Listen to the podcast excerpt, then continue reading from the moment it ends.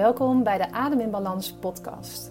Ik ben Marleen Bontekoe en in deze podcast deel ik al mijn kennis en ervaring over gezond en ongezond ademen, stress, ontspanning en vertragen. Veel luisterplezier. Als je op dit moment in de gelegenheid bent, kom dan even rustig zitten en leg twee vingers aan de binnenkant van je pols of in je hals en ga daar eens op zoek naar je hartslag. Sluit misschien even je ogen of maak je blik zacht, zodat je je hartslag goed kunt voelen. En adem dan rustig in en uit door je neus. Wat valt je op aan je hartslag als je inademt? En wat valt op als je uitademt? Misschien voel je je hartslag wel sneller gaan op je inademing en vervolgens weer vertragen als je uitademt. Deze aflevering gaat over hoe stress je adem beïnvloedt. Over de relatie tussen je ademhaling, je zenuwstelsel en je hartslag. Een ongelooflijk relevant verband als je ademklachten hebt, zoals je last hebt van de gevolgen van chronische hyperventilatie. Want op een paar uitzonderingen na worden veruit de meeste ademproblemen veroorzaakt door een vorm van stress of spanning. Ik ga je vertellen over hartritmevariabiliteit, hartcoherentie, de polyvagaaltheorie, ritmisch ademen en vertragen. En als je nou denkt, hartritme, wat en poly wat dus, blijf rustig luisteren, want ik ga het allemaal uitleggen. Zoals je net misschien hebt kunnen voelen, gaat bij elke inademing je hartslag dus wat omhoog. Dat komt omdat het sympathische deel van je zenuwstelsel dan actief is. Dit is als het ware je gaspedaal, je actiemodus dus. Uitademen is juist een passief proces, waarin het parasympathische deel van het zenuwstelsel actief is. En dit zou je kunnen zien als je rem, dus je rusttoestand. Met je manier van ademen kun je dus een balans bereiken tussen actie en rust. Balans in je zenuwstelsel, mits die adem ritmisch en kalm is.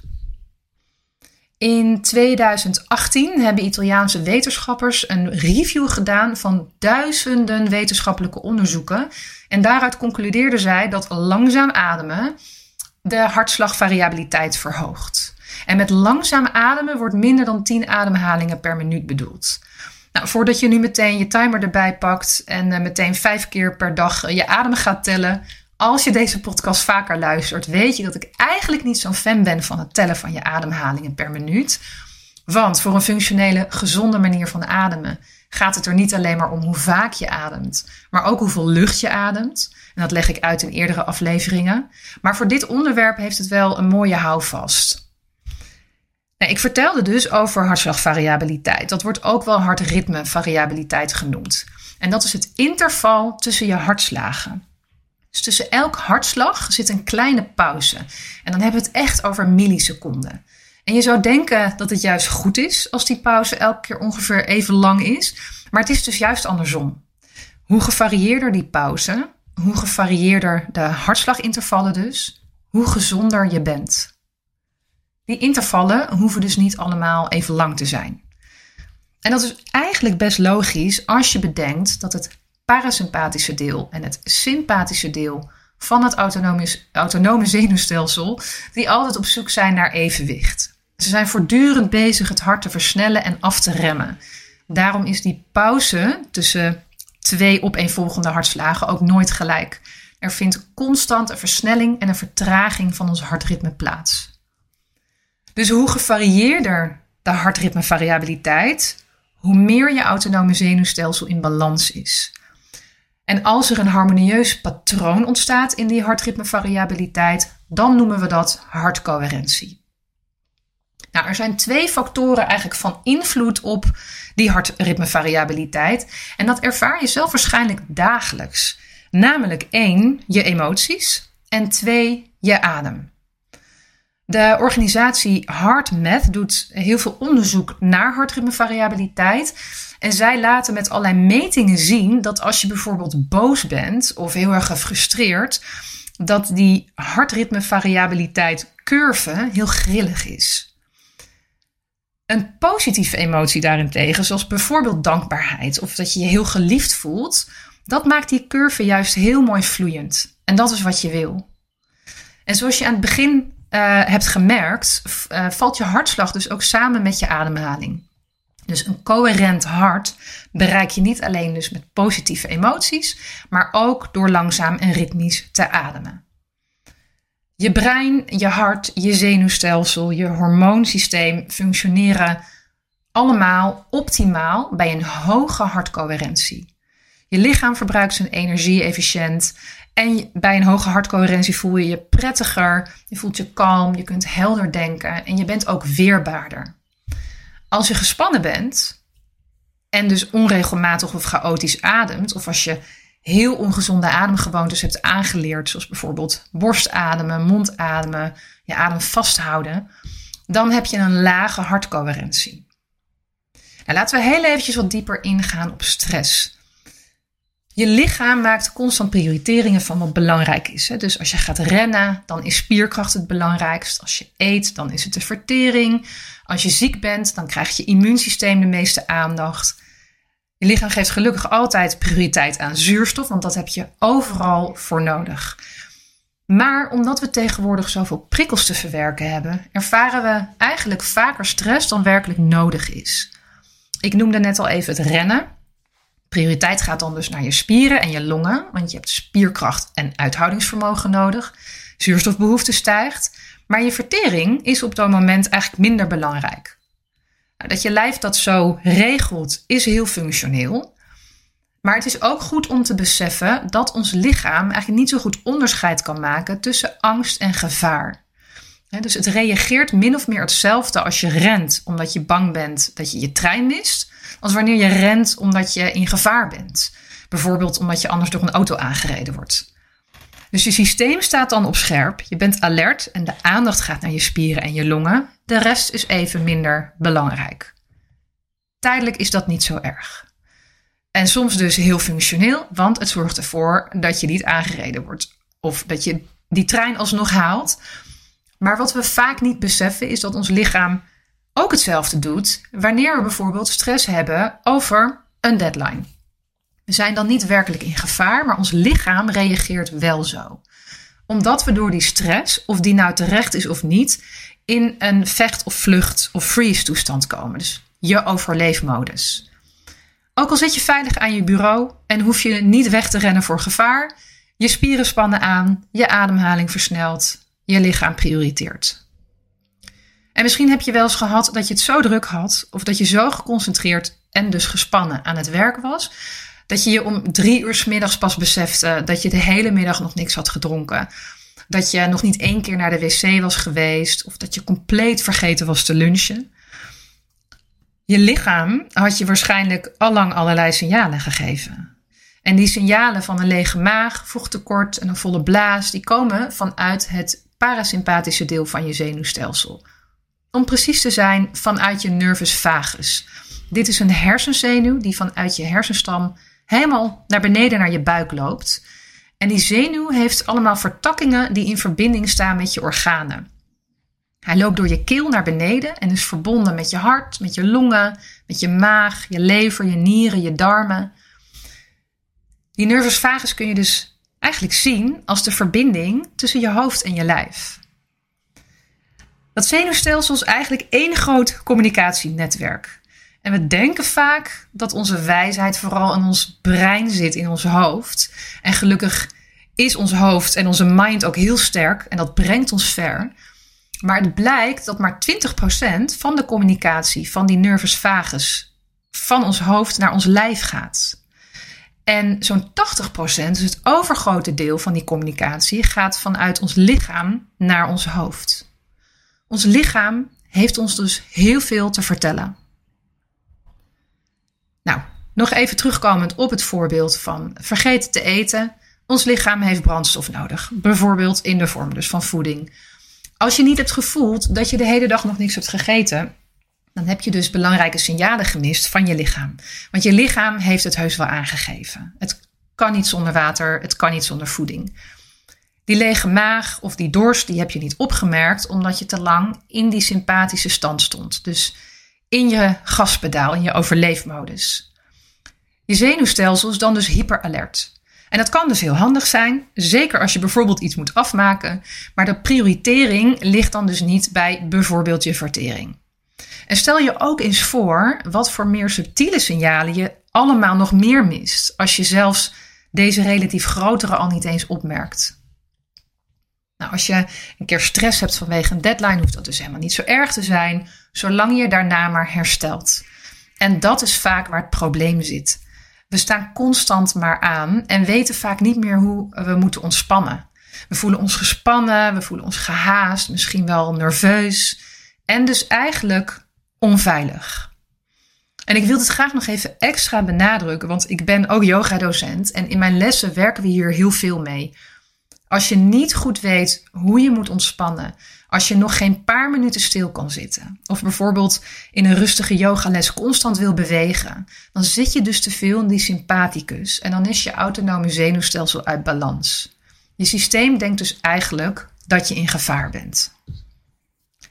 En je zenuwstelsel, dat hele communicatienetwerk, is constant aan het monitoren of je nog veilig bent. Want het moet bepalen of je Ehm, kan rusten of dat je moet vechten of vluchten.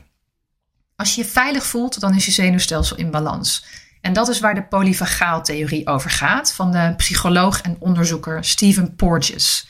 Misschien heb je er wel eens van gehoord. Het was destijds een baanbrekend onderzoek naar het zenuwstelsel. En ik ga je zo meer vertellen over de relatie tussen de polyvagaaltheorie en onze adem. Nou, als we stress of spanning ervaren, dan wordt dus ons sympathische zenuwstel uh, geactiveerd.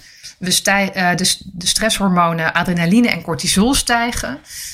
Uh, je ademhaling versnelt. En uit onderzoek blijkt dat dit overademen, dus dat je meer ademt dan nodig, dus te veel lucht, dat de adrenaline in je lichaam daarvan tot wel 360% kan stijgen. 360%. Dit zorgt voor te lage koolstofdioxide-niveaus en dat zorgt weer voor stress. Deels omdat je lichaam hierdoor niet genoeg zuurstof krijgt. Deels omdat luchtwegen en bloedvaten vernauwen en daardoor de uitwisseling tussen zuurstof en koolstofdioxide beperkt wordt.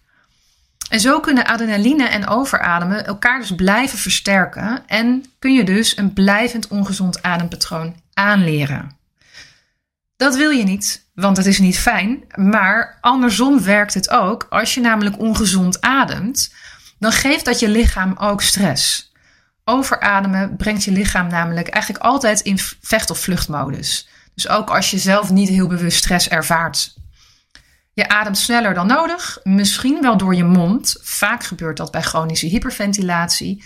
Terwijl ademen door je mond eigenlijk alleen bedoeld is om te doen in noodsituaties. Dus als je moet vechten of vluchten. En dat betekent dat je je lichaam daarmee eigenlijk het signaal geeft dat het zich moet voorbereiden op dat vechten en vluchten. In zijn polyvagaaltheorie ontdekte Porges dat we ons veiliger voelen als we langzaam ademen. En dan met name langer uitademen. En um, dat we ons dan dusdanig veilig kunnen voelen dat we zelfs anderen als vriendelijker ervaren. En als we snel ademen, vooral als we een hele grote ademteug inademen en heel kort uit, en wat vaak het geval is bij chronische hyperventilatie, dan voelen we ons onveiliger en dan ervaren we ook anderen weer minder vriendelijk. En we hebben ook invloed op elkaar. Dus als een ander in jouw omgeving kalm ademt, dan word jij zelf ook kalmer. En wordt je, zelfs, uh, wordt je gezichtsuitdrukking zachter en vriendelijker.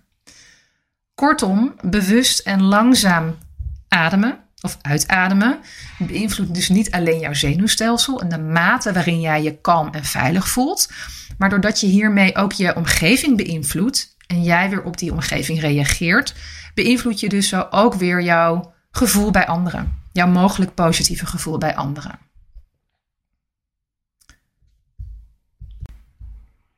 Nou, ik ben benieuwd naar jouw conclusie naar aanleiding van de informatie die ik je net heb gegeven. Die zou, die zou zomaar kunnen zijn. Om mijn stress te verminderen, moet ik simpelweg langzamer ademen. Zo simpel is het helaas niet. En dat heeft wat mij betreft twee redenen. Eén, Als je langdurige spanning en stress ervaart, of je weet van jezelf dat je altijd maar aanstaat en moeilijk kan ontspannen, dan is de kans heel groot dat je ook chronisch overademt.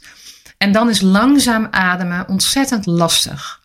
Het risico is dat je dan veel te geforceerd gaat ademen en daarmee dus juist weer spanning creëert in je lijf. Adem bijvoorbeeld heel hoorbaar en luid als je je ademhaling wil gebruiken om te ontspannen. En dat hoor ik heel vaak in mijn yogalessen gebeuren. En dan creëer je dus juist spanning. Om de voordelen te ervaren van een langzame ademhaling, wordt deze juist zacht en ontspannen te zijn.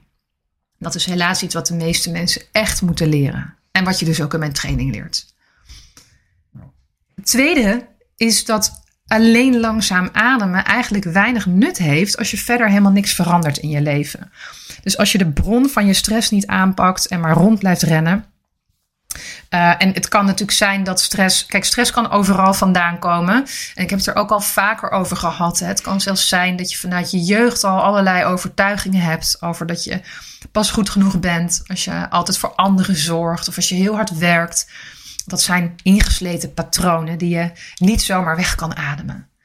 Maar kijk ook eens naar je eigen gedrag gedurende de dag. En ik werd laatst op Instagram getagd door Nancy. En die had in het kader van een opleiding die ze doet, mijn masterclass Adem in Balans gekeken. En zij verwoorden het fantastisch. Ze zei namelijk het volgende. Even snel de vaatwasser uitruimen. Even snel een stofzuiger door het huis. Even snel koken. Even snel de was doen. Even snel een mailtje beantwoorden. Even snel naar het toilet. Even snel iets eten en drinken. Even snel is dus echt mijn ding. Ik doe dus alles altijd even snel. En dat veroorzaakt constant een gehaast gevoel. Mijn zenuwstelsel draait op volle toeren en tot rust komen doe ik dus ook even snel. Door oppervlakkig en kort te ademen, mijn longen niet volledig te vullen met lucht uh, moet mijn lijf extra hard werken om voldoende zuurstof, oftewel energie, op te nemen. Nou, dus het mag inmiddels duidelijk zijn. Je adem is een spiegel. Wil je rustiger en meer ontspannen ademen, ga dan ook rustiger en meer ontspannen leven. En daarvoor hoef je echt niet meteen vier keer per week naar yoga of elke dag een uur te mediteren. En begrijp me niet verkeerd, als dat voor jou goed voelt, doe het vooral. Ik moedig het alleen maar aan. Maar kijk vooral eens hoe je meer rust in kan bouwen gedurende de dag, zonder dat je daarvoor meteen helemaal in afzondering hoeft te zijn. Ik denk namelijk dat voor de meeste van ons daar de grootste winst zit. dus vraag jezelf eens af: ben ik me eigenlijk bewust van wanneer ik aansta? En neem ik na de actie genoeg rust om mijn zenuwstelsel weer in balans te krijgen? En wat is rust eigenlijk voor mij? Hoe ontspan ik echt? En kijk eens of je net zoals Nancy kunt oefenen met vertragen. dus dingen niet meer even snel doen, maar de tijd nemen. Hoe meer je vertraagt, hoe rustiger je praat en beweegt, hoe meer het parasympathische deel van je zenuwstelsel actief is. En hoe makkelijker je langzaam en ritmisch ademt. En hoe makkelijk je dus ook hartcoherentie bereikt. Dus stel dat je tijdens het luisteren van deze aflevering aan het wandelen of fietsen bent wat is op dit moment je tempo? En hoe voelt dat eigenlijk in je lijf? En kun je misschien iets rustiger aandoen? Je kaken en je schouders nog iets meer te ontspannen. En je hoeft echt niet ineens alles super langzaam te doen, maar schakel eens een paar versnellingen terug. En ik kan je uit ervaring vertellen, dat is vaak makkelijker gezegd dan gedaan. Maar met oefening wordt het echt beter. Als je dit een interessant onderwerp vindt en je wil graag meer ervaren Blijf dan vooral even hangen bij de Adem in Balans podcast, want bij deze aflevering hoort een bonusaflevering en dat is een kalmerende ademsessie die de zuurstofopname op celniveau verbetert, je luchtwegen en bloedvaten verwijt en ontspant en je zenuwstelsel tot rust brengt. Bedankt weer voor het luisteren. Mocht je naar aanleiding van deze podcast aflevering moet ik eigenlijk zeggen vragen hebben, Ehm, of een compliment mag ook. Um, stuur me een DM op Instagram. Dat is adem.in.balans. Of via de mail info studio-balans.nl. Tot de volgende.